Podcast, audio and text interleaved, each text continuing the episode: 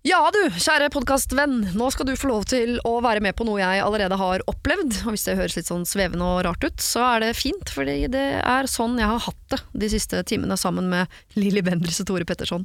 Eller egentlig har det vært mer jordnært enn jeg trodde på forhånd. Jeg trodde det skulle være litt mer sånn øh, øh, ånder og demoner og myrra og røkelse, liksom. Men øh, Lilly Bendriss er altså overraskende konkret og jordnær i sin tilnærming til problemer.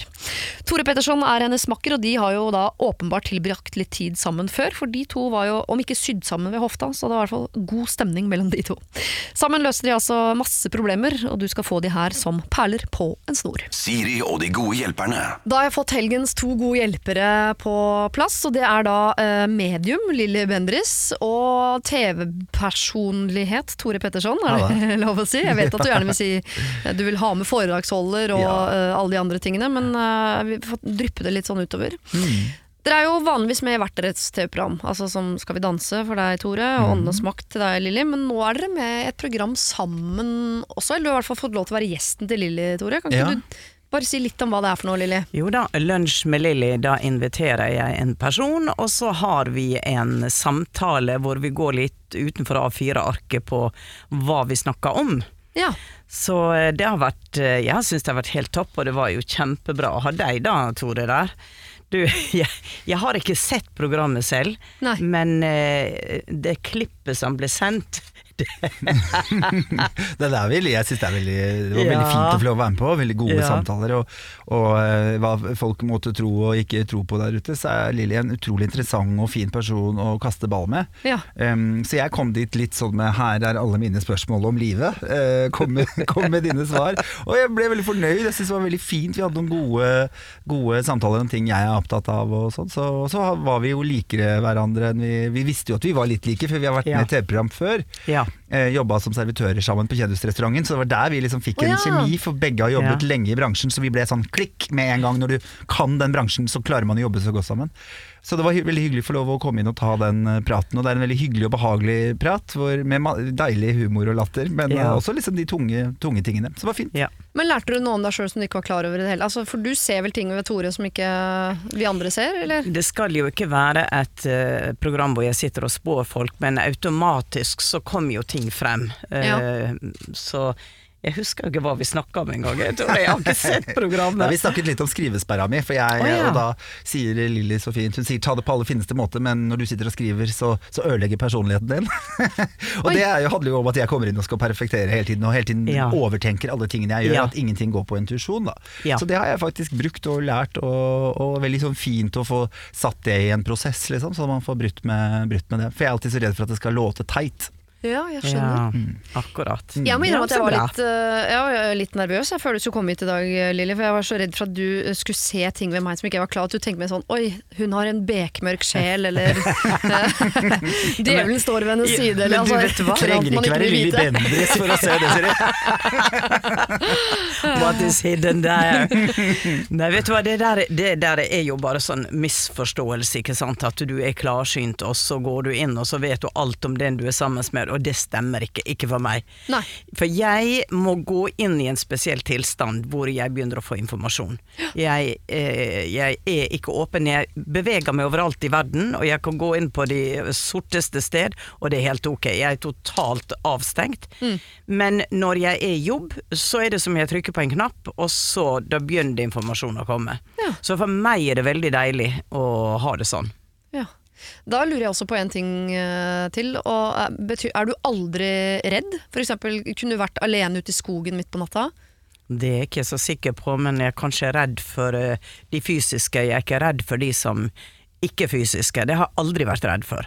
Nei. Nei. Så hvis noen sier dette huset her er hjemsøkt, så kan du sove der, Ja. drikke kaffe og kose deg? Ja, Ja. ja. Åh, det merker jeg at jeg er litt misunnelig på, for jeg er redd for så mange ting som jeg egentlig ikke vet om jeg tror på engang. Men eh, jeg kan godt si sånn spøkelser, nei, men kan du sove i dette huset? Nei, Nei. det kan jeg ikke. Det kan jeg faktisk Nei. ikke. I dag skal vi i hvert fall uh, hjelpe splitt levende eh, folk Ja. uh, med reelle problemer. Uh, ordentlige ting som de har sendt inn fysisk. Eh, og hvis du som hører på har problemer du ikke har sendt inn, så er det ikke for sent. Send det til Siri, alfakrøll, radionorge.no. Siri og de gode hjelperne. Lørdag og søndag fra 09.00 på Radio Norge. Kjære Siri og de gode hjelperne, står det her. Jeg har begynt i en ny jobb, og så langt kan det virke som om dette kan være drømmejobben med tanke på relevans, beliggenhet, lønn osv. Men så var det kollegaene, da. Det er hyggelige folk, men det er ikke helt min type. Jeg er veldig glad i vennene jeg har fra før, og tilbringer mye tid sammen med de. Så mye som mulig, egentlig, men det er ikke så mye tid jeg har til overs, med tanke på at jeg har en toåring hjemme. Kollegaene mine arrangerer sosiale ting hele tiden, og det er en ganske ung gjeng. Jeg kjenner at jeg ikke har så lyst til å være med, men jeg tenker jo at det kan være lurt. Selv om det ikke skal ha noe å si for karrieren, så vet jeg at nettverk spiller en viss rolle. Så mitt spørsmål er, skal jeg tvinge meg selv med, eller? Ja, det var det, da.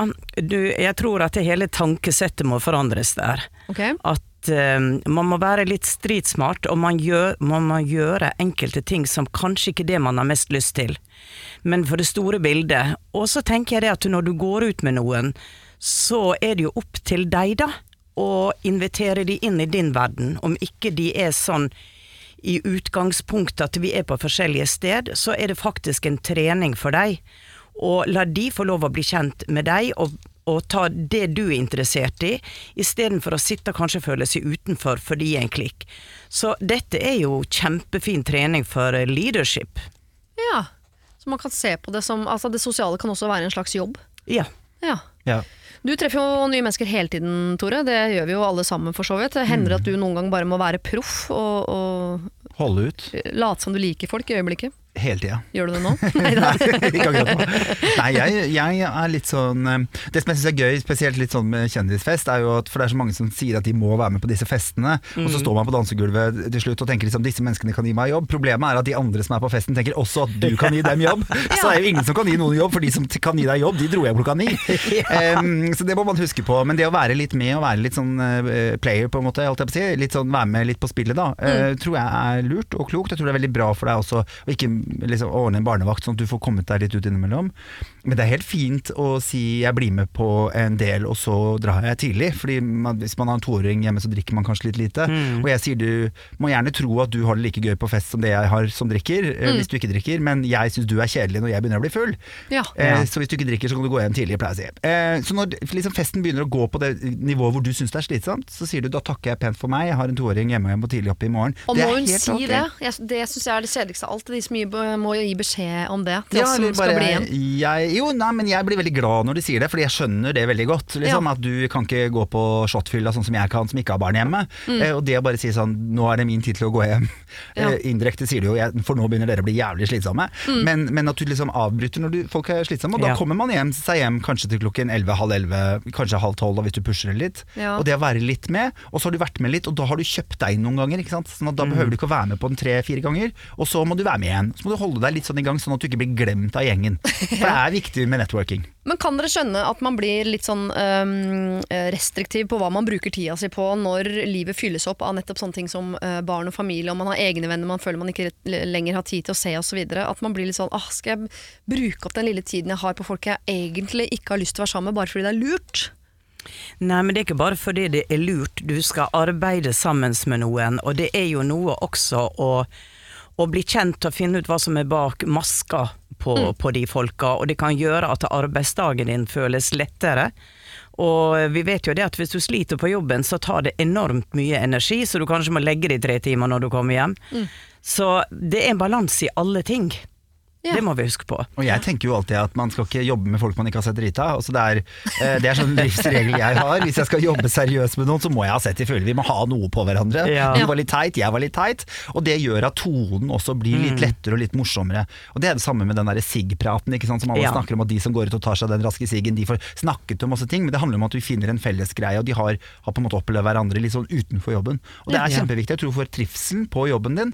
For det å skulle sitte og, og forhandle med eller jobbe med mennesker man bare ser på jobb, bare ser inne liksom på kontorgreia si eller ved, ved lunsjen og har noen sånn lette samtaler hvor man nevner et eller annet om noe bleier og, og det var på Ikeaen og der var det noe teit som skjedde, så får man aldri den dybden. Og man bruker såpass mye tid på jobben, syns jeg, at det er viktig at man går litt investerer også litt grann av sin, sin eh, privattid på det, sånn at man kan få slags arbeidsvenner, da, hvor det er en, en hyggelig greie. Og jeg merker på min egen del, hvis noen ikke er med, så kjenner jeg dem ikke, og jeg har også et vanskelig forhold til å ta de med på prosjektet, f.eks., for fordi at jeg kjenner dem jo ikke. Jeg, jeg, har ikke noe, har ikke noe Jeg vet ikke hva slags type mennesker de er, på en måte. Så da kan jo egentlig Ellen se på det som ja, ok, eh, ikke se på det som at det er en investering i videre karriere, men det er en investering i å trives på jobben her og nå. For det er klart at Hvis du har folk rundt deg som du har eh, delt andre ting med enn akkurat de der to minuttene borte ved uh, springen eller kaffeautomaten, liksom, så Mm. er de åtte timene på jobb hver eneste dag mye Ja. hyggeligere, istedenfor at du går og bruker energi på sånn oi, de kjenner hverandre, det gjør ikke jeg, men Ja.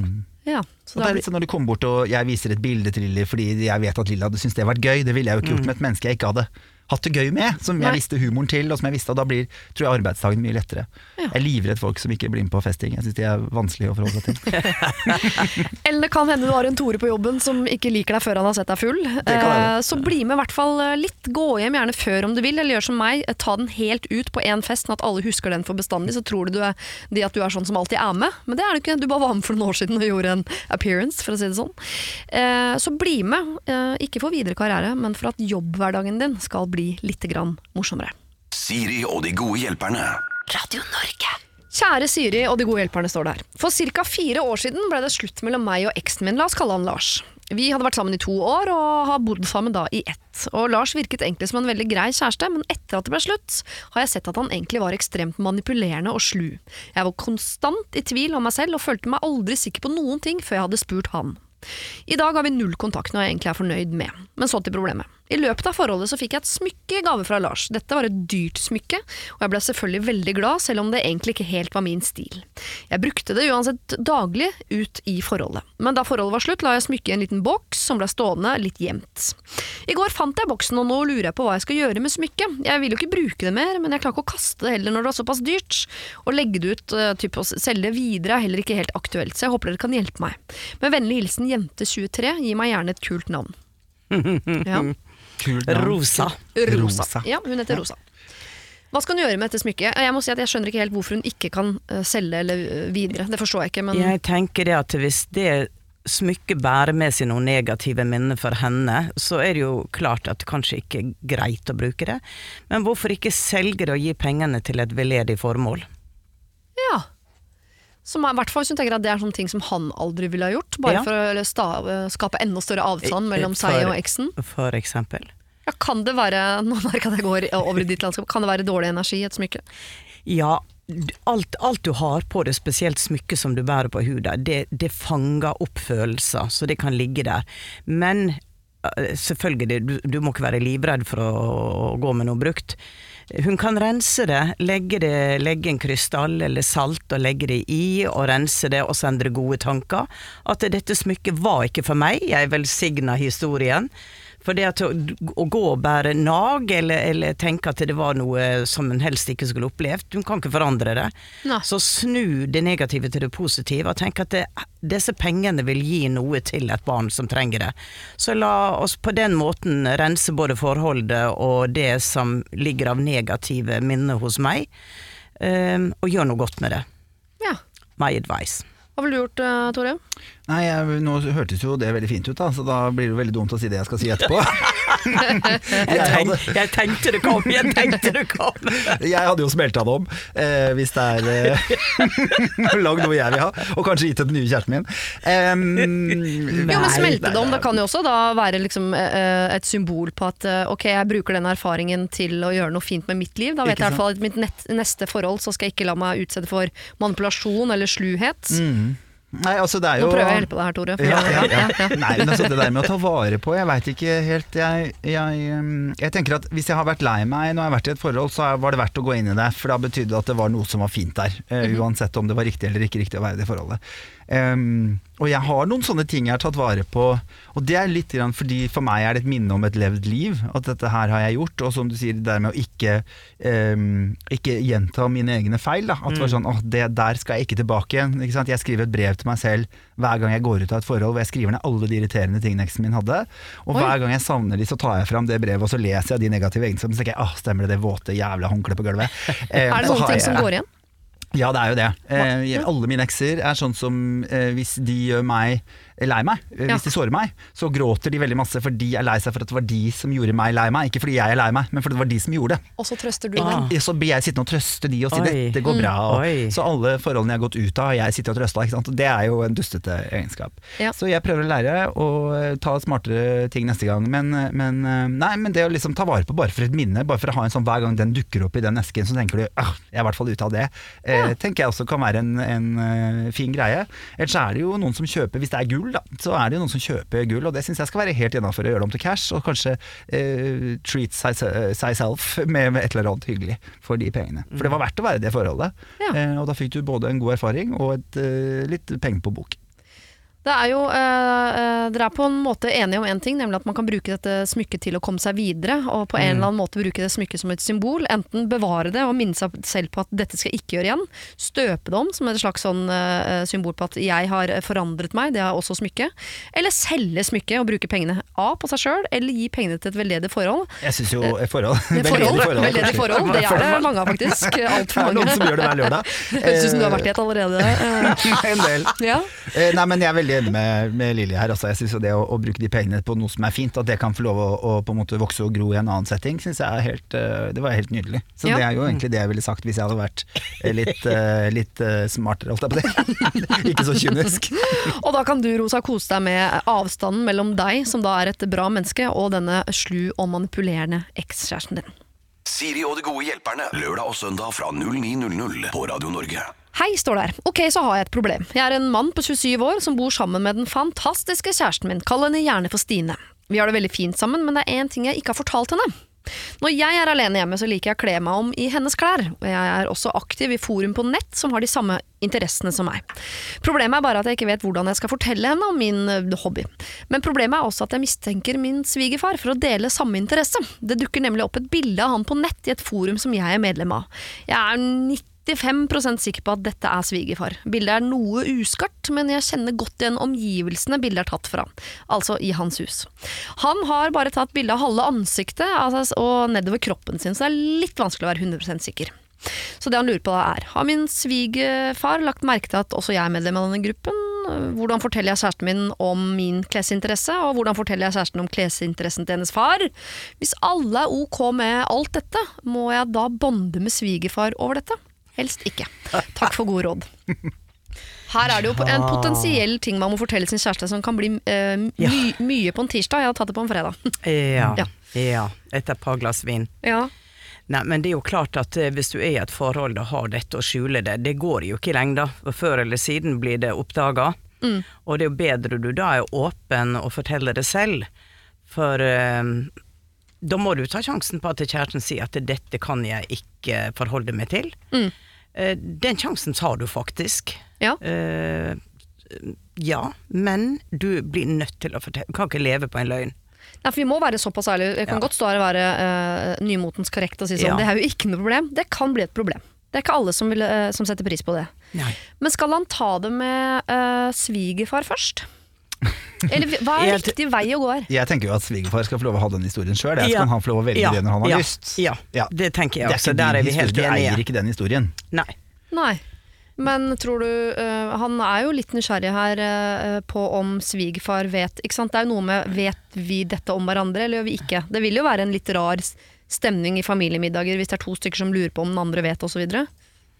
Da kan jo den eh, yngre part her være såpass åpen at han eh, på en søndagsmiddag forteller om dette, når hvis kjæresten sier at dette er helt ok, eh, så kan det finnes en måte å fortelle om det på. Da er det jo opp til faren, eller pappaen, å si at vet du hva, det, dette her er noe jeg også Da spørs det om han har fortalt det til sin kone. Dette kan jo bli en veldig spennende søndagsmiddag, Ja. tenker jeg. Fly, tenker noen flere fluer på veggen der? Flue på veggen. Mulig å få inn et filmkamera der. Nå vil han sikkert tenke og spørre meg at du som er syns, kan ikke du se? Ja. Så kan vi Men- møtes hos deg en lørdag, og så kan vi, Ja. eller søndag. Så kan vi sitte og høre hva som foregår Inviter der borte. inviter meg på lunsj. Spennende. Men altså, eh, si det først til kjæresten. Håpe at hun er ok med det. Kanskje Ja. få gi henne litt grann tid til å, å, å eh, fordøye dette, før han også forteller det i en familiemiddag. Sånn at far her har muligheten til i etterkant å si sånn Du, jeg òg. Ja, ja. At han kan ta uh, Men bare, Hva skal du med denne informasjonen? Skal dere sitte i G-streng sammen? Eller hva er det? Jeg, jeg forstår ikke hva de, hva de skal med denne informasjonen. Jo, men de holder, på, de holder noe i skjul. Jo, men altså, jeg, jeg syns energi, ikke at det kjæresten min skal energi. vite alt om meg. Det syns jeg ikke. Uh, og, og det handler jo bare om Dette er veldig om vesentlig da, Tore. Jo, jo, men altså eh, Jo, jo, men det kommer jo an på hvor, hva, hva har du tenkt å gjøre med dette? Er dette noe du syns er hyggelig å gjøre hjemme alene? For det er klart at Noe av denne spenningen er jo også litt av moroa, kanskje, kanskje det vet jeg ikke. Nei. Hvis er dette er noe du kunne tenke deg å gå ut blant folk med, at du, at du Mhm. liker å gjøre det hjemme. At alt det der du holder på med hjemme, alle holder på med ting hjemme. Mm. Bevare meg vel, alle har jo hemmeligheter. Um, så hvis det er en sånn ting at du syns det er veldig sexy å ha på deg G-streng når dama ikke er hjemme, så forsvinner jo litt av den spenningen da, hvis du skal fortelle henne dette. Og så Ja. lenge du bare gjør det hjemme, så kommer du så, Ja, da kan hun kanskje komme inn på en gang og så bare ha-ha, syns den var gøy, tok hun på, jeg vet ikke.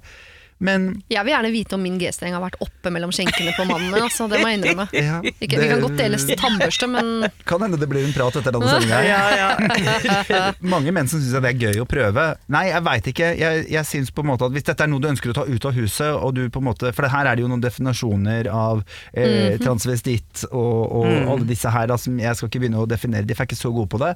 Men, men eh, jeg tenker at hvis dette er en, en levestil som du føler at du må leve ut, så syns jeg det er fint å ta det med kona. Det er selvfølgelig, Da må man være ærlig om det. Men hvis dette er noe du er helt sånn fornøyd med å gjøre hjemme aleine og sitte litt på nettet med, så tenker jeg da, da- da kan det lage mer trøbbel enn det det faktisk strengt tatt er. Da. Så du må veie det litt, syns jeg. Ja. Men hva, hva som hun kommer overraskende hjem, og du sitter der da, i dameklærne dine? Ja, eh, da er det jo på tide å ta den eh, praten, på en måte. Og- få den praten i fleisen, sin. Ja, men Ja. da ville jeg også For min del så hadde jeg gått til min kjæreste og sagt liksom Men du må jo komme og si ting til meg. Jeg, jeg, jeg, el Mm. elsker deg jo, jeg er jo glad i deg. Det er Eh, en del av meg som tenker at hvis det er noe du tenker at er en slags bagatell, så trenger man ikke å dele det med partner. Men det er noe med at man også skal ta en runde på er, vil dette oppleves som en bagatell for partner. Mm. Og hvis det ikke er det, så syns jeg man kan være raus nok til å, å si Jeg, jeg syns kjæresten hans her bør få vite dette om han. Det jeg er mer eh, nysgjerrig på, er eh, grunnen til at han vil vite dette om svigerfar og sånn, er fordi han selv er nysgjerrig på sånn, for han er ikke 100 sikker. Er det han, eller? Kan det være sånn at vi har den samme interessen, eller hvordan er det? Og så er han jo, hvis det er sånn at alle er ok med dette, vi må bare ta punkt fire her, for det syns jeg er litt øh, gøy å fordype seg i. Må han bonder med svigerfar over dette? For det er jo, hvis far har gått rundt og vært uh, skaptransusitt da, i 60 år, og så plutselig møter han en yngre versjon av seg selv som er åpen om dette, så kan- svigerfar kan bli slitsom. Da skal han plutselig på byen i dameklær og sånn. Mm. Bare snakk om dette, og vi to øh, Jeg tenker det at det har litt å gjøre med Har de bonda før dette kom opp? Hvordan, hva slags forhold har de? Eh, og hvis de ikke har Hvis de har et litt sånn avstandsforhold, så skulle ikke dette være noen grunn til at de skulle sette seg ned og holde hender. Nei. Jeg bare ser for meg en litt sånn eh, aldrende svigerfar her som ser liksom sitt snitt til å snakke ut om de siste 50 åra med hemmeligheter. Med hemmeligheter, ja. Ja. Den kan han jo få midt i fleisen, selvfølgelig. Ja. Det, det kan han. Men da må, jo, må jo han også lære seg å sette grenser og si at ok, det føles ikke ok for meg at vi fortsetter å snakke om dette, vi kan ta én prat om det for å få ut alle skyggene her. Mm. Men eh, jeg føler ikke at vi er i en posisjon at vi skal sitte og dele dette fremover. Dette er min grei, det er din grei.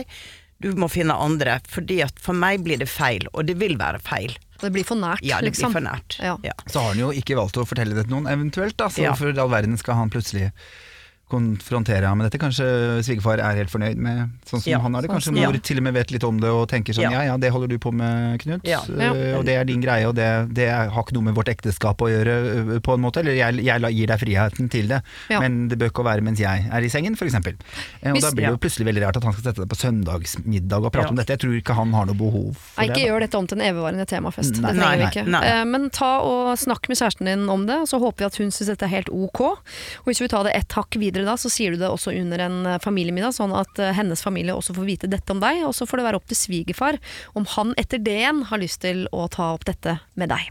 Ja. Siri og de gode hjelperne. Send oss en e-post på siri at radionorge.no. Kjære Siri og de gode hjelperne. Min mann og jeg har et barn sammen på ett og et halvt år, og det er fantastisk, og det er ikke det som er problemet. Problemet er at jeg og mannen min kun har vært helt alene sammen fire ganger etter at dette barnet ble født. Den ene gangen var kun en kort tur på butikken. Mine foreldre er vanskelig når det gjelder overnatting, er mye opptatt, og jeg syns de tenker for mye kun på seg selv, mens mannen min sine foreldre de stiller generelt også litt opp. Jeg spurte mine foreldre om de kunne passe sønnen min en kveld i sommer, sånn at vi kunne komme oss ut sammen med venner og bade og drikke litt, men de kunne ikke passe han over natten, så vi måtte pent komme hjem etter tre timer den kvelden. Jeg vet vi selv har valgt å sette dette barnet til verden, og vi elsker barn overalt på denne jord, men skal vi ikke få litt alenetid sammen før han er ti år eller mer? Jeg uh, syns dere overreagerer, eller er det urimelig eh, at ikke mine foreldre og hans hjelper oss litt grann mer? Hmm. Mm, Dette er jo den generasjonsproblematikken vi er midt i, Ja. hvor eh, besteforeldre endelig har tid for seg sjøl. Men jeg har Ja. ikke jeg, jeg, ja, Akkurat denne problemstillingen syns jeg alltid er veldig rar. For jeg sier til vennene mine hele tiden Si fra hvis dere trenger barnevakt. Si fra. Jeg, jeg stiller opp, det er kjempehyggelig. Ja. Uh, nå, er det selvfølgelig, nå har jo ikke jeg barn, så jeg er ofte på ting, så det er vanskelig at jeg får det til. Men jeg ser jo at eh, de, de vennene jeg har som er gode på det, de Ja. spør jo andre venner som har barn. Ja. For det er jo veldig, da er det veldig enkelt for de, for de har jo leggerutinen inne. og og de skal jo sitte der allikevel, og så kan man på en måte gi den frem og tilbake. Og jeg syns veldig ofte at jeg sier det til eh, 100 venner, så er det én som spør. Ja. Og det, der må du ta litt egen kritikk. Og si, jeg føler at jeg liksom kan ikke spørre Jo, du kan det. Folk sier ikke at si fra hvis jeg kan stille opp, si fra hvis det er noe. Hvis Ja. ikke de mener det. Og det er en gi og ta-situasjon. Da kan jo du sitte barnevakt en annen dag for noen andres barn. Ikke sant? Ja. Eh, Så det at besteforeldrene som endelig har fått den tiden hvor de kan få lov å få litt alenetid Jeg syns det er rart at besteforeldre ikke vil sitte barnevakt. Jeg synes det er kjempespesielt. Eh, Ja. Og det har blitt mer og mer av det. Jeg leser jo saker om det i nyhetene og sånn, at det er veldig rart. Eh, Min mor eh, tok førtidspensjonerte seg for å kunne være sammen med barnebarna. Så. Slapp å være sliten når de var sammen med dem. For meg er det he- helt sånn merkelig ting. Men Men det er, det er jo en uh, personlighetsting. Det er jo ikke en ting som handler om alder. Det er ikke sånn at alle mennesker idet de bikker uh, 65, så, så blir de den fødte bestemor og bestefar. Nei, nei, nei, absolutt, som absolutt. Men jeg bare skjønner ikke hvorfor ikke barn som øh, nei, venner som har venner, kan hjelpe hverandre ut. Ja. At det skal være så vanskelig. Jeg vet ikke, Nå kjenner kanskje ikke folk så mange som jeg gjør. Jeg kjenner veldig mye folk fordi jeg liker folk.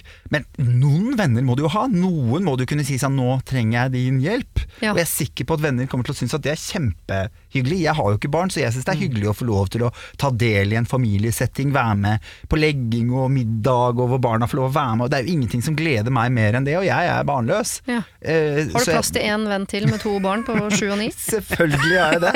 Og jeg syns det er hyggelig å sitte barnevakt. Jeg gjør det ikke så ofte, men, men eh, når jeg blir bedt om det, og har mulighet selvfølgelig, så, så ønsker jeg å stille opp og gjøre det. Jeg syns det er superkoselig. Ja. Eh, og, og hadde jeg hatt barn selv, så ville jeg bare sagt ja ja, send dem hit alle sammen. Det er jo, vi, er, vi er jo inne i rutinen allikevel. Ja. Det er så Ja. Det er vel kanskje sånn når tidene forandrer seg, så sier man jo til øh, næringslivet at her må man øh, liksom gjøre om på businessen sin for å få den til å passe inn i den tiden vi lever i. Kanskje det Mm. er sånn med barnevakt også. Man må begynne å se rundt deg til andre muligheter. Jeg, jeg tenker jo, jeg er jo oppvokst på landet, hvor det var jo familie rundt. Det var tante og onkler, og det var liksom aldri noe problem egentlig. Og eh, for meg så har det vært en selvfølgelighet at de overnatta. Mm. Og de har syntes det har vært veldig stas. Eh, Det er stor forskjell på mine barnebarn, og de første de skulle alltid ligge i den røde sofaen. De skulle ikke ligge i en seng, de skulle ligge i den røde sofaen. Og det var så stas. Og jeg tenker at jeg syns synd i besteforeldre som ikke tar den fantastiske opplevelsen det er å følge disse små oppover og bonde med dem. Og etter hvert som de vokser til, så har du jo ikke tid til dem. Det forsvinner liksom ut døra. Men mens de er små, Og jeg tror det er kjempeviktig for foreldre at de får tid uh, alene. Så jeg vil jo oppmode alle besteforeldre til å komme an. Altså ikke være så jæskla egoistiske, da. Ja, for du syns det er litt egoistisk Ja. av uh, besteforeldre Ja. å ikke sette av litt tid Ja, til barnebarna? Ja, ja, ja. ja. Men tror du det kan handle om at de er redde også? For jeg vet jo at idet du får barnebarn, så er det jo nødvendigvis en del år siden du fikk barn. Og jeg ville til og med nå, nå er jeg en syvåring, så det er ikke så lenge siden jeg hadde baby. Jeg ville synes det var litt skummelt nå plutselig skulle ha ansvar for en baby. Sånn, husker jeg opp og ned på denne, og hva som skal gjøres? Jeg, jeg, kanskje det er litt sånn fryktbasert? Nei, jeg tror ikke det er fryktbasert. Jeg tror at det er at de har så mange andre ting som de prioriterer mer. Ja. Og, og du kan si det at eh, akkurat det som hun nevner her, det er jo dette med at de ikke får, kan overnette. Og det er klart at eh, et barn som er veldig utrygt og bare har vært hos foreldre, de kan på en måte hylskrike hele natta, for de er ikke vant til å sove borte. Og hvis de ikke er vant til å ha jevnlig omgang og fortrolige med besteforeldre, så kan det jo være at de får et kjempeproblem den natta. Men det er jo noe som, det er jo noe som eh, du kan si at øh, hva skal jeg si Ja, ok.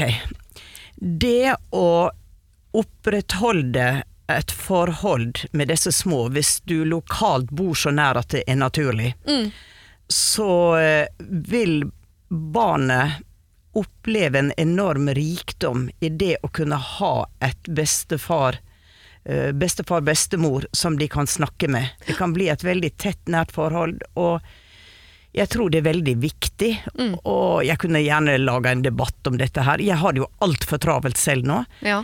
Eh, Jeg husker når, eh, når mine første, som nå er 20-21 år, eh, da hadde ikke jeg den arbeidsstresset som jeg har nå, og da, da hadde jeg jo de jevnlig på overnatting og passa og var barnepike.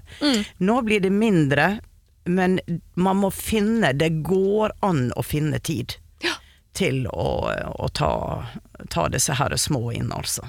Det blir jo nesten litt sånn som vi snakket om eh, tidligere her i dag med, på arbeidsplassen. At hvis ikke du er med på Bare motsatt. Hvis ikke du er med på Eller hvis du blir med på festen Ja. investerer den tiden i den festen du ikke vil være med på, så blir også arbeidshverdagen bedre. Jeg tenker også som Jeg kan godt late som jeg har sagt det til besteforeldre, det har jeg ikke, men jeg har tenkt at jeg skulle si det. At eh, hvis du vil være med på festen, så må du også være med å gjøre jobben. Så det er litt Ja. sånn Ja. Hvis du vil ha Ja. den relasjonen, så må du gjøre den jobben det er, og da Ja. kommer festen i andre enden. Da gleder de seg til julaften til dere kommer, de gleder seg til å være sammen med dere. Men det er en jobb som gjøres, det er ikke bare Ja. en, det er ikke en uh, arva tittel, på en måte. Nei, nei da, det, det er helt er veldig, riktig. jeg tror det er veldig, man får veldig sånn fattig liv hvis man ikke tar barnebarna sine inn. Ja. Og Ja. som du sier, dette med festen, og så det å få et godt forhold til de senere, det, det kommer ikke til å skje, for de kjenner deg ikke. Nei. Og det å bli kjent med deg som voksen er mye vanskeligere. Så veldig trist, men ta den praten med dem, tenker Ja. jeg. Ja. Si det til dem. At det her kommer ikke til å snu hvis ikke dere gjør en effort nå. Så kommer de til å synes at dere er helt fjerne, og det er trist, da. Vi syns ikke at dere overreagerer eller er urimelige. Det er rett og slett de gamle som går glipp av en slags fest i andre enden her. De går glipp av en helt fantastisk relasjon som de har muligheten til. Og jeg vet at det kan være tøft å si fra om det, men det tror jeg det er eh, verdt. Både for dere, for dem, og selvfølgelig også for barnebarna. Siri og de gode hjelperne. Send oss en e-post på siri at radionorge.no. Bruce Springsteen fikk vi der med sin I'm On Fire, og de hører på Radio Norge, hvor helgens gode hjelpere er Tore Petterson og Lilly Bendriss, men de har fått en liten pause. Det er fordi vi skal ta et lite tilbakeblikk på en vi har hjulpet eh, tidligere. En eh, kvinne jeg valgte å kalle for Nikoline for å anonymisere henne. Nikoline er en 51 år gammel dame, gift, har voksne barn og vokste opp i en familie med fem søsken. Hun var i midten av denne søskenflokken, og så lenge hun kunne huske, så var det slik at en av brødrene hennes hadde oppført seg veldig veldig dårlig mot henne. Vært ekkel i kjeften, vært slem og mobbet hele oppveksten. Men hun hadde holdt ut, for hun tenkte at eh, det er det foreldrene våre ønsker, at vi er en søskenflokk som skal holde sammen osv. Men så for fem år siden så døde en av foreldrene, og oppførselen til denne broren rundt dette dødsfallet fikk altså begeret til Nikoline til å renne over.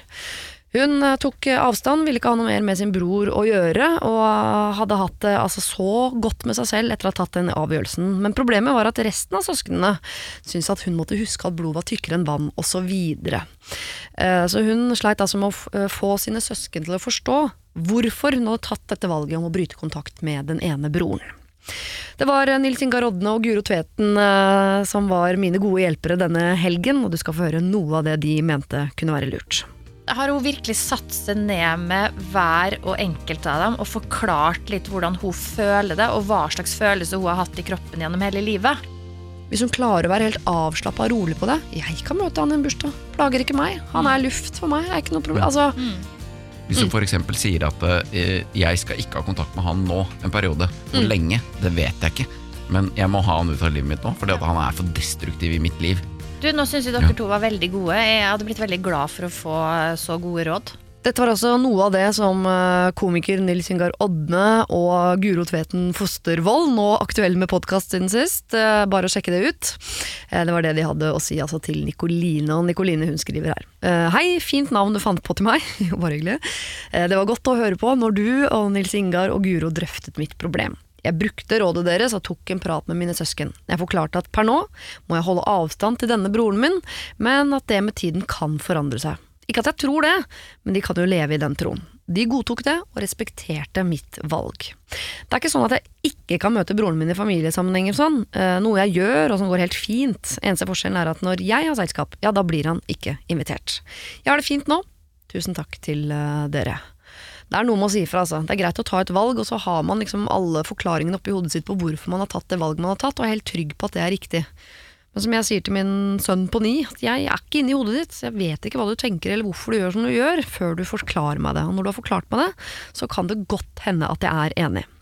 Og det høres ut som at dine søsken var her. Eh, Det er ikke så ofte jeg er det med min sønn, altså, bare for å ha det på uh, papiret.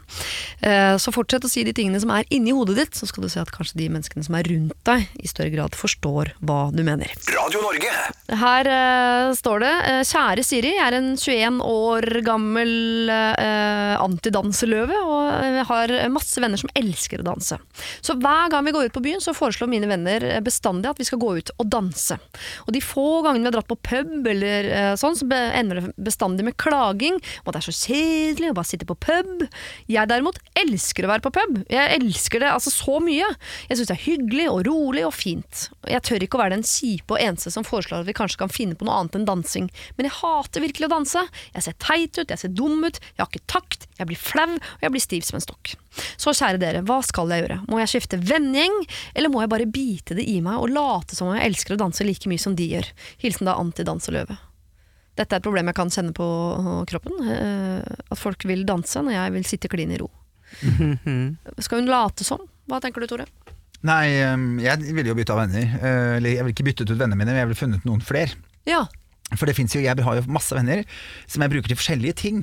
Ja. Noen er liksom de dagene, noen er, elsker bare å sitte og snakke skit og gossip. Liksom. De blir jo med på pub, det er jo helt nydelig, så da gjør jeg det med de. Og så har jeg noen ganger hvor jeg er litt sånn åh, nå orker jeg ikke gå i dybden på ting, for nå har jeg jobba mye med meg sjæl eller vært mye greier denne uka her. Så da eh, stikker jeg ut med danseløvene som bare står og hopper og ikke sant. Ja. Men jeg hater jo å danse selv, ironisk nok da. Um, og det handler nok litt om at jeg har vært danser og tror fremdeles at jeg kan eh, på en måte det jeg kunne, og så blir jeg så sliten at jeg får astmaanfall i løpet av to og et halvt minutt, og da er det ikke så morsomt Så du blir skuffa, rett og slett, Så jeg blir skuffa, ja. Ja. Og så føler jeg på en måte at hele dansegulvet står sånn, ja nå får vi se da. Ja. Din fordømmer av det dommer, liksom. Ikke sant? At jeg føler- Akkurat det jeg tenkte når du dansa i fjor, faktisk. ja, det? Ja, da tenkte jeg, du få bare se da. sånn, Nå, nå, kom igjen, vis. Jo, jo, men det var det jo. Jeg danset jo ikke kjempebra, det er jo 20 år siden. Men, men, men det er veldig gøy. Jeg liker veldig godt å danse. Og jeg danser liksom på Jeg var på Kongsberg Jazzfestival med Stine Brun Kjellås, som var med første året. Hun, er- hun snowboarderen. Vi danser helt sånn crazy, for hun er så gøy å føre. Så da danser jeg. Men, um, men jeg har venner til forskjellige ting. Jeg går ikke ut med den samme gjengen hele tiden. Og det, der tenker jeg kanskje er rådet mitt, på en måte. Ja. Utvide litt, be inn litt andre folk. Og så går det an å ikke være med ut på lørdag, at man heller inviterer noen jobbfolk eller skolefolk Ja. eh, på en tirsdag. For eksempel, hvor man kan sitte på pub og skravle, hvor man begynner sånn i tretida, og så er man hjemme ti. Litt småfull, men ikke så full at man ikke kan jobbe dagen etter. Ja, fordi der, den dansingen kan være fin å ha til den dagen du skal gifte deg, for det er alltid så glissent på dansegulvet i bryllup, så det er greit å ha en sånn gjeng som er driver og danser. Det er veldig gode å ha ja, det er veldig gode å ha det. Og noen ganger er det veldig deilig å gå ut på dansested, liksom. Ja. Og, og, og så vil jeg selvfølgelig råd gi, som jeg selv gjør, når, når jeg syns at alle danser og jeg er han kjedelige, drikk mer. Drikk mer, ja. Hvem er du, Lille? Danser du, eller sitter du på pub? Ja, ja, jeg liker godt å danse, men jeg er ikke flink i sånn der selskapsdans i det hele tatt. Men jeg er mer sånn Lille fri, groover, du, fri altså. Jeg er groover, jeg er free flow, free flow. Men jeg tenker det at eh, jeg har blitt spurt om å være med på Skal vi danse hvert år. Men jeg har så dårlig rygg, og jeg vet at det der eh, kommer til å gå helt gærent. Men det jeg har hatt lyst til, for jeg syns det er fantastisk å se på mennesker som danser. Og, og the moods, the swing og the hips og hele pakka der. Så tenker jeg det at eh, hun har en opplevelse av at hun er stiv, hun kan ikke danse. Kanskje har hun hatt et eller annet traume, noen har sagt noe noen gang som gjør at hun har stivna. Så jeg vil si at for henne er det kjempeviktig egentlig å face det der. Ja. Eh, For jeg tror det ligger noe bak, at hun føler det hun, hun gjør. Ja. Og da tenker jeg det at eh, hvorfor ikke gå på dansekurs, lær det alt fra afrikansk magedans til uh, whatever, og begynn å bevege kroppen din. Eh, Og det er så sunt. ja, Ja. Ikke sant? Og det, fordi at når du, du er stiv, altså det der er det indre for meg, ikke sant? Og til, uh, det kommer til å bli verre og verre. Og jeg holder jo kurs hvor jeg bruker tromme og intuitiv dansing. Og da ser jeg jo hvordan når de klarer og tør å slippe seg løs, og hvor de ikke må følge en annens dansetakt, det er kroppen selv som beveger seg, hvor happy de blir, hvor glad de blir, og hvor de ser at 'å gud, jeg, jeg klarte å få det til', og for en glede det er. Så et eller annet ligger bak her, jenta mi. Et eller annet ligger bak. Gjør noe med det. Ikke Ja. stivn mer. Du skal bli 80, ikke sant? Og du skal ha sving i hoftene, og du skal sånn Jeg, jeg har jo hatt masse sving i hoftene, jeg, også. Men jeg syns også Jeg er fabelaktig. 73. Jeg er 73. Ja, det som er fabelaktig med Lilly, hun orker jo mer høy musikk enn meg. Jeg blir så sliten, og hun står der og groover bort på dansegulvet og er helt overlykkelig. Jeg er sånn skru ned lyden, skru ned lyden. For jeg er jo brun pub-person. Men det er veldig sunt å danse, det. man har veldig, veldig godt av det. Og som du sier, det kan nok ligge en sånn greie at noen har ledd, eller noen har sett på at du føler ikke at du mestrer. Ja. Hva er perfekt dans? Hvis du skal gjøre dette i en konkurranse, så bør man jo kanskje lære seg et eller annet. Eh, Men dans handler jo bare om bevegelse til musikk. Og Ja. det at du kan få så eh, jobba bort den greia, det er jeg helt enig i. For det er innmari gøy og veldig befriende å danse når man først kaster seg i det. Og Ja. så begynte jeg på zumba. Eh, Jeg har ikke fortsatt på det, men jeg begynte på det, og det er, alle ler jo av zumba og syns at det er så teit, men det som er fint med zumba, er at det er mange dansestilarter samlet i én greie, hvor du lærer den samme koreografien hver gang, så du kan bli skikkelig god i den. Ja. Og den kan brukes på dansegulvet, nemlig. Så du det mener har at- jeg begynt med. Du mener at folk som Ja. syns det er flaut å danse, de skal begynne å danse klin edru midt på dagen i tights med folk som ikke kjenner? Ja, Ja. fordi at de andre som er der, også ser ganske artige ut. Tro Ja. meg. Det var ikke bare jeg som så teit ut på den timen der, men noen var gode, og det var fordi de hadde gått der lenge. Ja. Eh, jeg syns det høres rart ut å hate dans. Jeg tenker at det er, Å hate dans er som å si at man hater musikk. Altså, eh, noe kanskje du hater, men det fins sikkert en dans du også liker. Så kanskje du skal bite det i deg, late som en stund til du finner noen bevegelser som gjør deg glad. Og hvis ikke, så er det lov å sitte og se på. eh, Bare endre holdninga, ikke bli sur hver gang noen danser. Det er klart at Da skaper du en kjempeavstand. Og så må du i tillegg også skaffe deg noen eh, Ikke bytte ut disse vennene, de er fine å ha, men få deg noen venner i tillegg som er glad i å sitte på pub og skravle sånn som du gjør. Siri og de gode hjelperne. Nå skal vi få lov til å gi noen eh, tips i kjærligheten, dere, for her står det nemlig. Kjære Siri, jeg er endelig forelsket. Jeg har vært eh, forelsket mange ganger før, men ikke sånn som nå. Kanskje fordi det denne gangen går begge veier. Jeg kan 99% sikkert si at han også er forelsket i meg. Neste helg skal vi på vår første overnattingsdate, og det er altså jeg som skal arrangere. Og nå trenger jeg tips. Jeg vil at dette skal være magisk. Hilsen Hanne. Hva gjør man for å gjøre en overnattingsdate magisk? Nå vet vi ingenting om denne typen. da. Om han er altså, uh, surfer eller sjakkspiller, det vet vi ingenting om. Så det må være allment. da. Kan dere fortelle meg hva det er først? Hva en date er? En overnattingsdate? Er en date man overnatter på. Og hjemme eller er det på et hotell? Ja, velge på fjelltopp, hvis det er ditt tips. Vi skal bare tilbringe 24 timer sammen. Ja, ok. Ja, øh, Lilly? Hvor? Ja, Da spørs det jo hvor intime er de fra før. Er dette første gang de har sex, eller hva, hva ligger her? Er det det som er på en måte greia, at de skal innvies i det hellige rommet? Hellig grotta. Ja, nei eh, hvis dere har vært sammen en stund og ikke sovet over hos hverandre, hvor religiøst er dette her? Dette høres Ja. veldig rart ut. Nei, jeg får inntrykk av at eh, de skal reise bort sammen Ja, for første gang. At de har Ja, nok okay. sikkert både dansa og ligget og gjort alt som man Ja, skal. men nå eh, skal nå de skal de liksom- bort. Nå skal Ja. de det er samme ja, første gang de skal reise bort sammen, vil jeg tro. Sørg for at det er badehall. At det er Bademuligheter. Ja, ok. Det er i hvert fall hvis du skal ha med meg på date. Da. Jeg elsker å bade. Ja. Eh, og hadde eh, sånn i København akkurat, hvor jeg dro og besøkte min eh, nåværende kjæreste. Ja. Eh, og da var det hotell med eh, svær badehall, og det var så innmari deilig. Og det gjorde vi liksom hver morgen, og da fikk vi liksom leike og møtte hverandre på en litt sånn annen måte, som jeg syns var veldig, veldig fint. Ja. Så alt fra artig badeland med badesklir til eh, koselig, mystisk eh, ferskvann innerst i de norske skoger, liksom. Eh, ja, kanskje mindre av det for min vedkommende, men det kommer jo an på hva slags type dette her, Om det er sjokk, som sagt, eller, eh, ja. eller han har vært med på Ex on the Beach. Men eh, nei, jeg har, jeg har eh, eh, veldig sånn Og så jeg, jeg hater å bli tatt på, eh, så du må aldri starte med å 'jeg har ordnet massasje, parmassasje', for det, der bør man kjenne hverandre litt. Ja. Eh, synes jeg, Hadde jeg fått en overraskelse om det, så hadde jo jeg sagt 'jeg drar ikke', jeg drar ikke, liksom, for ingen tar på meg. Så enkelt er det bare. Ehm, så, eller kjæresten min kan ta på meg selvfølgelig, men ikke kom og ta på meg, liksom. Så det ville jeg vært forsiktig med. Men gjør små romantiske ting. Finn ut om det er noen turer man kan gå på, noe som er litt sånn hyggelig som begge har lyst til. Og sørg for at du har med deg Mac-en så du kan se Netflix, for det kan også være skikkelig romantisk. Ja. ja. ja. Og jeg har jo veldig lite erfaring med dating. Du er gift. Og så jo, litt har du data, kom igjen. Jeg har vært Jeg med har i dette sett deg med noen trommer programmet. og noe greier. Du data litt på TV? Det- Ja, jeg litt på TV. Ja. Opplevde du noe magisk der? Er det noe du vil anbefale videre? Nei, det var ikke så magisk. Det var ikke så magisk. Det, det var jo en setting som ikke var helt normal.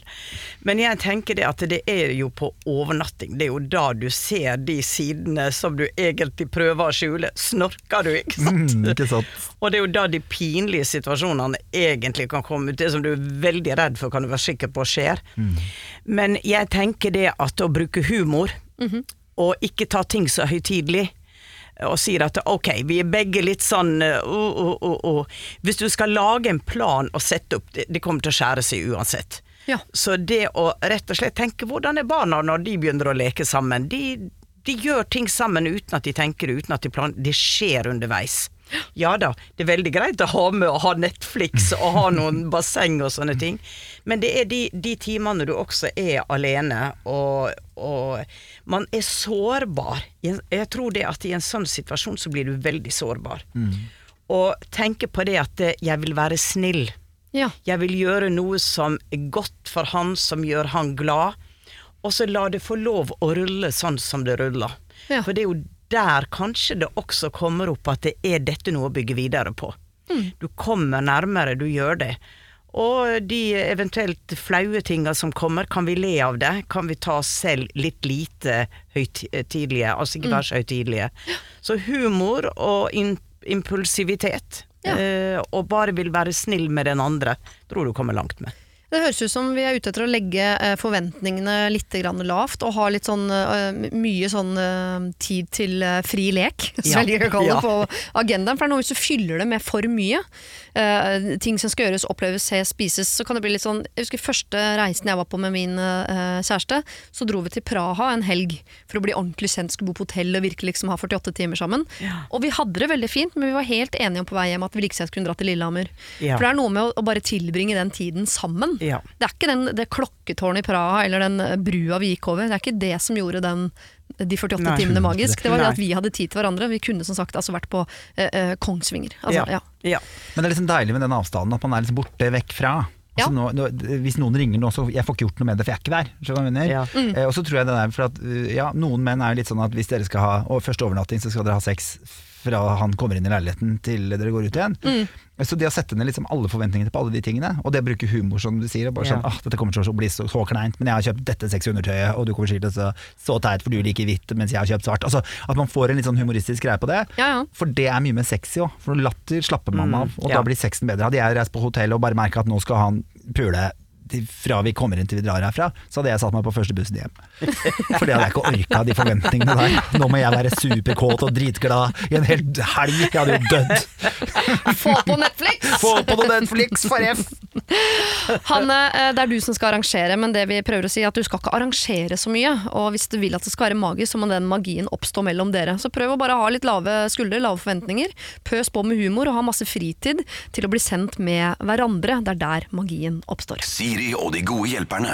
Radio Norge. For litt siden traff jeg en gammel bekjent som av en eller annen grunn ble unormalt glad for å se meg. Altså, jeg skulle tro vi hadde vært sammen, og at hun trodde jeg var død under krigen eller et eller annet. I etterkant har hun sendt masse meldinger, meldinger om at vi må møtes igjen. Jeg har hele tiden utsatt og utsatt dette og sagt at det ikke passer osv., men jeg har vært hyggelig tilbake hele tiden. Til slutt skrev jeg vi kan sikkert treffes en dag, men jeg er redd jeg må si fra allerede nå at dette antageligvis ikke er starten på et vennskap. Jeg har dessverre for mye å gjøre, og jeg føler at jeg lurer deg dersom vi treffes eh, til å tro at det kan være det. Kanskje litt brutalt, jeg vet det, men det er det som er sannheten. Vi kommer aldri til å bli omgangsvenner, vi har aldri vært det, og jeg ønsker ikke det nå heller. Jeg trodde hun med dette kom til å trekke seg unna, men hennes svar er altså Ok, topp at du sier fra, treffes gjerne allikevel, jeg, når passer det for deg? «Eh, så nå må jeg treffe henne, da? Eller? spør innsender. Skjønner du situasjonen? Ja. ja. Nei. Må ikke det? Nei. Men har jo vært ganske brutal allerede på melding. Hvor brutal må man bli? For de som ikke tar et poeng av en lettere grad av brutalitet, så må man. Men jeg tror det at når hun skrev denne meldinga Er det en hund, forresten? Er det to damer, dette? Ja, det, ja. Eh, Når hun skrev denne meldinga, så var det nok etter en forståelse av at her må jeg bare være så klar. Mm. Og eh, andre igjen, så må du kanskje legge litt mykere lag mellom sidene. Men eh, av og til så må du faktisk. ja. Jeg kjenner problemstillinga, jeg.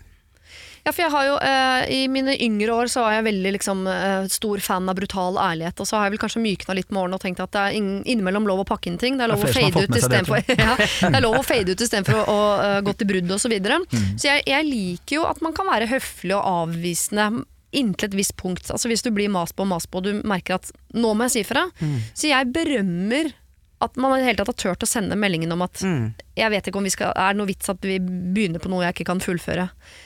Men når da eh, den brutaliteten på en måte eh, Altså, eh, hun biter jo ikke på, hun, forstår, hun forstår ikke. Men Hun, forstår, enda- hun forstår ikke det. Hun forstår ikke det. For hun kunne, hun kunne jo hun ikke skjønte det? Nei, nei, altså Hun ville jo møtes allikevel. Hun ville ikke skjønne det, for hadde hun skjønt det, så hadde hun sagt at oh, sorry, jeg opplevde ting annerledes eller deg, jeg mente ikke å trenge meg på, beklager, jeg har respekt for det du sier. Det ville vært en, en, en tilbakemelding. Ja. Men det hun sier, altså Jeg vet ikke, jeg Tore, hva sier du? Det- Nei, altså jeg ville jo vært stolt og ikke visst svakhet, som jeg er god på, Ja. og sagt å ja, nei, men det går helt fint, jeg møter deg gjerne allikevel, jeg, og aldri sendt melding igjen. Ja. Det er jo sånn jeg ville gjort det.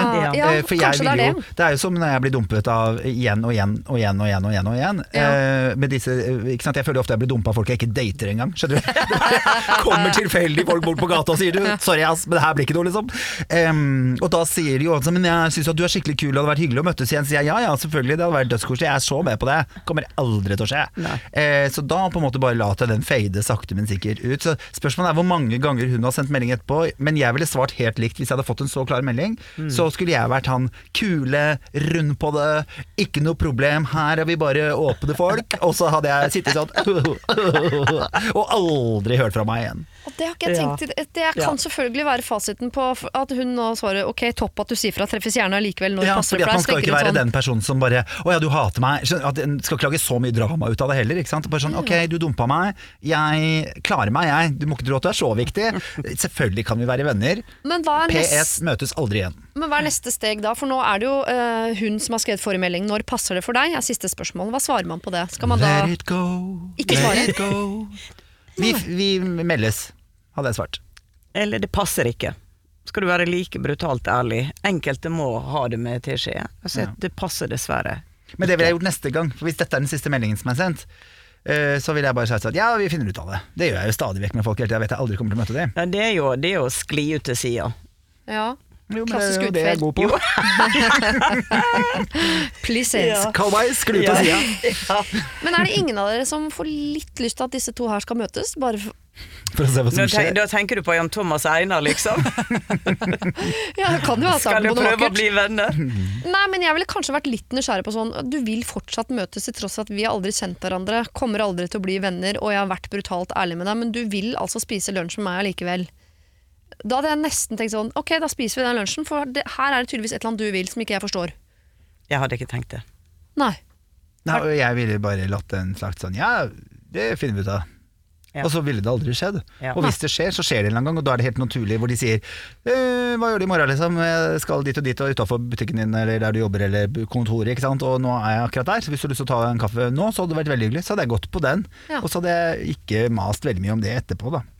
Men jeg bare fikk ikke det inntrykket når du skriver 'Å ja, nei, men det går fint, men jeg, vi kan, jeg blir fortsatt med på å møtes', liksom. Ja. Er jo bare eh, for å redde sitt egen skinn, tenker ja, jeg Ja, men så tenker jeg når at du eh, gjør Altså du sier veldig klart fra at 'jeg har ikke tid', det er sånn og sånn og sånn. Og når vil du møtes? Uh, hallo? Ja. det er liksom Det er sånn der uh, 'god dag, mann øksa skaft', eller 'kjerringa mot strømmen', eller et eller annet sånn følelse jeg får da. Ja. Ja, fordi det, Hvis vi bestemmer oss for at uh, din mistanke er eh, korrekt, da, Torum, at her er det bare en som, eh, som prøver å redde sitt eget skinn, sier sånn 'Å ja, nei, ja, selvfølgelig Ikke miste ansikt', liksom. Men samtidig så jeg blir jo såpass nysgjerrig her at jeg ville ha sendt en melding hvor jeg skrev sånn Da må jeg nesten spørre hva du vil. Når jeg Ja, sier at vi, vi, vi kommer ikke til å bli venner, da er jeg nysgjerrig på hva er det du vil. Jo, er forferdelig brutalt, er det ikke det? jo, Jo, men skal du det selge vil? Meg nå, Altså, og den er, jo, den er jo veldig klar, Ja, for du forstår det jo ikke. nei Den tilbakemeldingen du får, du, du forstår det ikke. Så det er jo å fortsette i samme retning som den beskjeden du skrev. Hva er det du vil? Ja. Ja, Det kan jo være interessant. Ja, for nå har du jo vært brutalt ærlig. Det er Ja. litt fristende å fortsette med det istedenfor å gå tilbake på utfade nå sånn. Ja, Ja. kanskje snakkes en annen gang. Og nå er vi jo i gang med brutaliteten. La oss Ja. eh, fullføre den. Hør dere to, Ja. sitter her og rotter Ja. dere sammen i Hekseriet AS. Nei, jeg tenker det er en forskjell på å være direkte og være slem. Og jeg synes litt sånn, jeg, ja, øh, nå vil du møtes allikevel, selv om jeg har vært skikkelig ass bitch mot deg. Ja. Da vil jeg gjerne spørre hva er det du vil. Altså, hvor langt skal man trekke akkurat den greia her, da? Jeg bare tenker at dette kommer til å gå over av seg sjøl. Fordi at nå har hun Har ikke du hørt om, du, har ikke du hørt om stalkers? Jo da. Mhm. Jo jo. Og det er jo Det opplever jo sikkert uh, du oftere enn hun som har sendt inn Ja. her nå, da. Som ikke Ja. tar den, ikke, sant? Ikke, som ikke ønsker det fordi de har så lyst til å være din venn. Um, nei, jeg vil i hvert fall gitt det én gang til. Ja. Og så vil jeg sånn, sende inn igjen. Si så bare sånn Hei, husker du Stalker-bitcha, liksom? Mm. Hun gir seg ikke. Da er det på en måte er man plutselig i en helt annen setting, syns jeg. Syns jeg, da. Da møtes vi på midten og så sier vi ok, nå var du først på utfade, og så kjørte du brutalitet. Det funka ikke. Så nå må du tilbake på utfade, og så skriver du tilbake sånn ja, nei, vi får se, snakkes, holde kontakt, bla, bla. Etter, hvis denne personen etter det igjen begynner da å liksom øh, jakte denne datoen hvor dere skal treffes, da er du Da. tilbake på brutalitet, Ja. og så spør du hva er det du vil egentlig. Og da må du love meg at du sier fra til meg, for dette er jeg veldig veldig nysgjerrig på. Sier alfakrøll radionorge.no. Siri og de gode hjelperne. Send oss en e-post på siri at radionorge.no.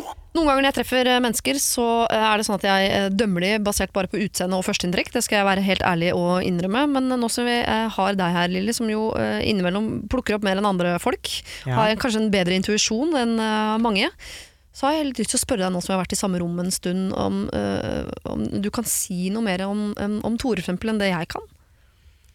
Opplever Jeg, du Jeg jeg, du jeg oppfatter jo deg, min venn, som en veldig klok ung kvinne som tar poeng og kommuniserer veldig klart og veldig greit, for du tar det som vi to slenger ut, og så finner du den der nøkkelen, essensen i det hele, og binder det sammen. Og det tenker jeg jo- er en egenskap, en gave du har. Eh, Du behøver ikke å kalle det klarsyn, men du kan kalle det evnen til å fange inn, til å se og finne poenget, og bringe det videre gjennom eteren. Og da tenker jeg det at du har også den egenskapen i ditt eh, privatliv. så, -hmm. så det er det lille, lille minigreiene jeg har lyst til å si til deg. Ja. Men eh, Tore, du er jo grenseløs. Du, du favner hele universet, du, vet du. Fordi at du er ikke en fra denne jorda her. Du, du har så mange personligheter i deg. Du har så mange biter i deg at det blir nesten for stort å være inni din kropp. Og det er veldig interessant å lytte til deg, fordi at eh, du liker å fleipe, ikke sant, og, og, og komme, og du har en treffsikker replikk og alt dette, men under det så er du veldig klok. Du har tenkt veldig mye, og det viser det at du har måttet ha gått inn i deg selv i ditt liv. Så moromannen og den som er hender og føtter der ute, den har så mye mer. Og da tenker jeg litt på det der veien din også går videre, ikke sant. At det, du har så mye verdifullt å dele. Fordi at du har gått gjennom ting selv, og du har ikke flykta fra det du har gått gjennom selv. Men du har gått inn, du har analysert det, du har sikkert hylt og skreket, og du har tatt det ut det hele.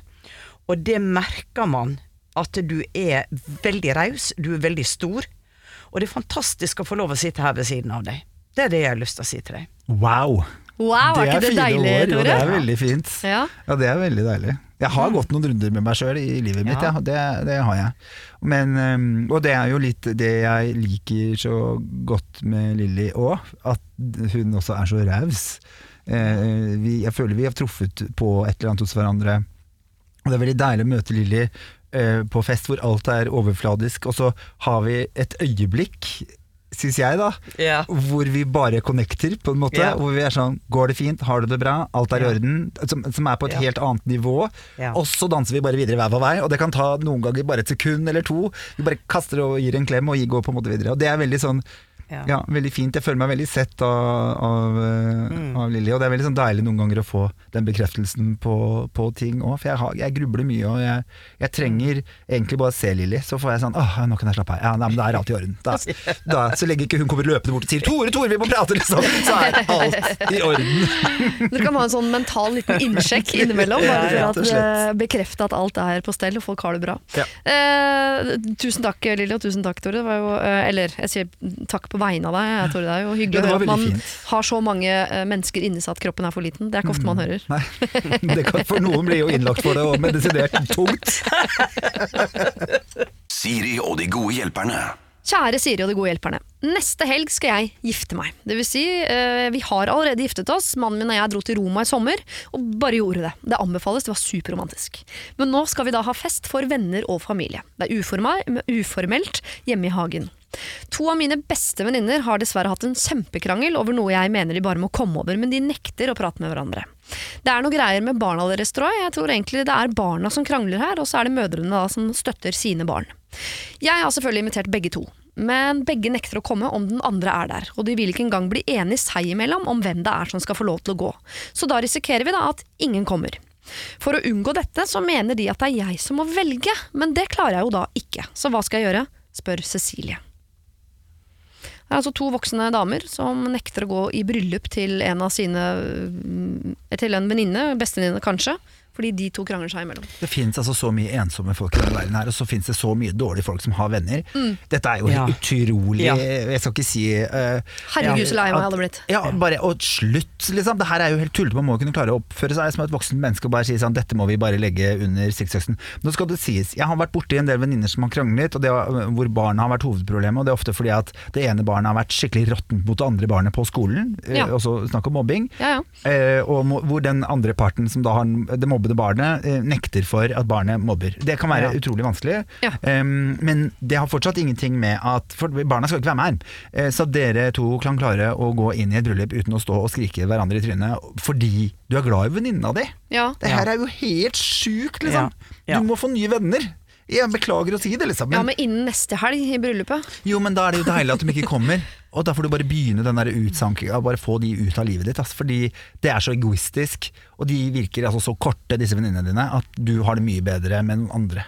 Ja. Ja, det er i hvert fall ikke hun som skal velge noen. Nei, nei, nei. Det, det blir helt, helt feil. Det, det, det må hun bare slippe. Ja. Uh, nei, hvis ikke de klarer å, å, å komme over Nei, da, jeg er helt enig med deg, Tore. Da får de bare forsvinne. For, for det, er jo, det er jo brudas dag. De skal jo ikke tenke på seg selv, de skal tenke på hva som gleder henne. Og, eh, Og jeg nekter å tro det her er første gangen. Jeg nekter å tro det er første gangen, og jeg nekter å tro det er siste gangen. Hvis de er så egoistiske, så selvsentrerte, så er du bare en sånn ting de har med seg, nesten som en veske de har kjøpt på HM, liksom. Ja. Eh, som bare er der fordi du skal ha mobilen oppi. Du er bare ikke noe viktig for disse menneskene, og du trenger noen som setter deg mye mer i fokus. Jeg ville bare sagt til de at det her er fullstendig uaktuelt, og derfor så syns jeg det er bedre at ingen av dere kommer, for det kommer masse andre folk i dette bryllupet som jeg er glad i. Og så ville jeg prøvd, i hvert fall for denne dagen, og bare tenkt jeg, jeg har det bedre uten dem. Fordi det er, dette er jo et forferdelig spørsmål. ja, ja, ja, ja, For noen dårlige folk. Ja. Men hva om hun, dette vet jeg ikke da, men det er jo ofte sånn, hva om hun er litt mer glad i den ene enn den andre? Er det lov å si sånn, ok, men da tar jeg Kari. Nei, Kjipt, hun kan, eh. hun kan ikke gjøre det. Nei, Nei. men altså, Kari er jo fortsatt et dårlig menneske som ikke klarer å sette eh, andres, altså, hennes store dag foran sitt eget utrolig dustete krangleproblem med en venninne. Ja. Så jeg tenker at du er, hun er bare et dårlig menneske. Eh, jeg ville aldri gjort det med noen av mine venner. Aldri! Og derfor så vil jeg heller at de ikke er jeg, Det handler jo om å ne, kvitte seg med den dårlige energi, Lilly. Ja. Det der med å få mennesker ut som ikke gir noe godt til livet ditt. Og jeg nekter å tro at hvis dette er et problem nå, så er de sånn alltid oppofrende og nydelige venner resten av året. Det nekter jeg å tro. Dette her er en av mange ganger de bare tenker på seg sjøl. Get rid. Ja. Det er, veldig, eh, det er veldig hardt. Jeg, jo, eh, jeg er helt enig på et eller annet plan, men jeg tenker at Cecilie her er antageligvis glad i begge to, og at de har hatt det mye gøy sammen, har en historikk sammen. Og de har nok sikkert noen veldig gode egenskaper som, uh, som venninner, bortsett fra at de er egoistiske, grusomme mennesker. Uh, men det er jo mye ræva folk som kan opptre som gode venner, i hvert fall periodevis. Ja. Så jeg, jeg tror kanskje jeg ville ta, uh, altså, Jeg ville vært så redd for at ingen av de kom i bryllupet mitt, at jeg ville heller tatt det valget, og bare valgt den ene. Istedenfor å miste to, så mister du én, da. Du finner alltid to nye, vet du. Innen neste helg. Nei, men må du ha de med som bestevenninne, da? Er ikke det nok gjester i bryllupet til at uh, folk som er glad i deg Ja. og s- Og hun venninnen kommer bare til å sitte og snakke dritt om hun venninnen som ikke er der hele tiden uansett. Fordi Ja. hun er tydeligvis så utrolig opptatt av denne greia inni sitt hode. Ja. Og kommer til å sitte og bare briljere med at jeg ble valgt, jeg ble valgt. Jeg. Så Veldig mye virker som om det handler om dem selv i disse menneskenes liv. Jeg kjenner noen av disse menneskene nemlig oh, ja. som er sånn. Ja. Em, og jeg har prøvd å gi råd om disse tingene her før, fordi du har skikkelig crappy venner, liksom. Og de tenker på seg selv. Em, og, dette er her, og jeg vet jo at dette her er en del av mange diagnoser. Ikke sant? Det er at de er så uh, egosentratiske. Og det at du sitter der som en sånn uh, klokker som bare venter på at du skal drysse litt eh, på deg også, liksom. Og, og, og er helt sånn avhengig av å ha disse to eh, såkalte venninnene dine til bryllupet. Dette er din dag, du skal nyte den. Du har funnet en mann du skal leve sammen med. Det er den viktigste personen den Ja. dagen. Hvem andre Ja. som er der. Dere har jo allerede gifta dere aleine én gang. Ja, sånn at eh, for at dette skal bli en, en eh, fin kveld, så tenker jeg hvis de kan klare å ødelegge all tiden fram til bryllupet ditt, så klarer de også til å klare å ødelegge eh, selve bryllupsdagen din, om det så er én eller to personer der. For det er lettere for Cecilie å kose seg på den dagen her hvis ingen av de er der, enn hvis én er der og minner Ja. henne på Ja. at de kunne vært to, på en måte. Ja. ja. Jeg tenker det. Her er dere helt enige. ja. Ja. Her var det plutselig dere som var brutale, og ikke jeg som var så brutal. Det er at det går, eh, at det går litt grann i, i null. Eh, Cecilie, her høres det ut som om eh, du skal ta det valget de ber deg om å ta, men du skal ta et valg de kanskje ikke hadde sett for seg. Du skal ta valget om å ikke invitere noen av dem. Så hvis dette her er noe dere ikke klarer å finne ut av, at jeg ikke er viktig nok for dere til at dere kan være store nok til å overse deres egne greier, ja, så velger jeg faktisk at ingen av dere kommer. Så håper jeg at du får deg noen andre venner på sikt som er greiere, som er mer opptatt av deg enn seg sjøl. Ah, det tror jeg ikke du finner. Mer opptatt av deg enn seg sjøl. Det trekker jeg tilbake. De vennene tror jeg ikke du vinner. Men 50-50 går Ja, det. i hvert fall sånn eh, tålelig 50-50. Og så håper jeg du får et fantastisk bryllup uten disse to, som ikke klarer å legge bort seg selv for bare noen timer. Det var det siste problemet vi rakk her i dag, eh, Tore og Lilly. Det har vært helt eh, fantastisk å ha dere med. Jeg er helt sikker på at vi har redda en Redda fem. Ja, vi har redda verden. Eller i hvert fall fem, seks, sju, åtte mennesker Ja. i løpet av den helga her. Minst. Siri og de gode hjelperne. Lørdag og søndag fra 09.00 på Radio Norge.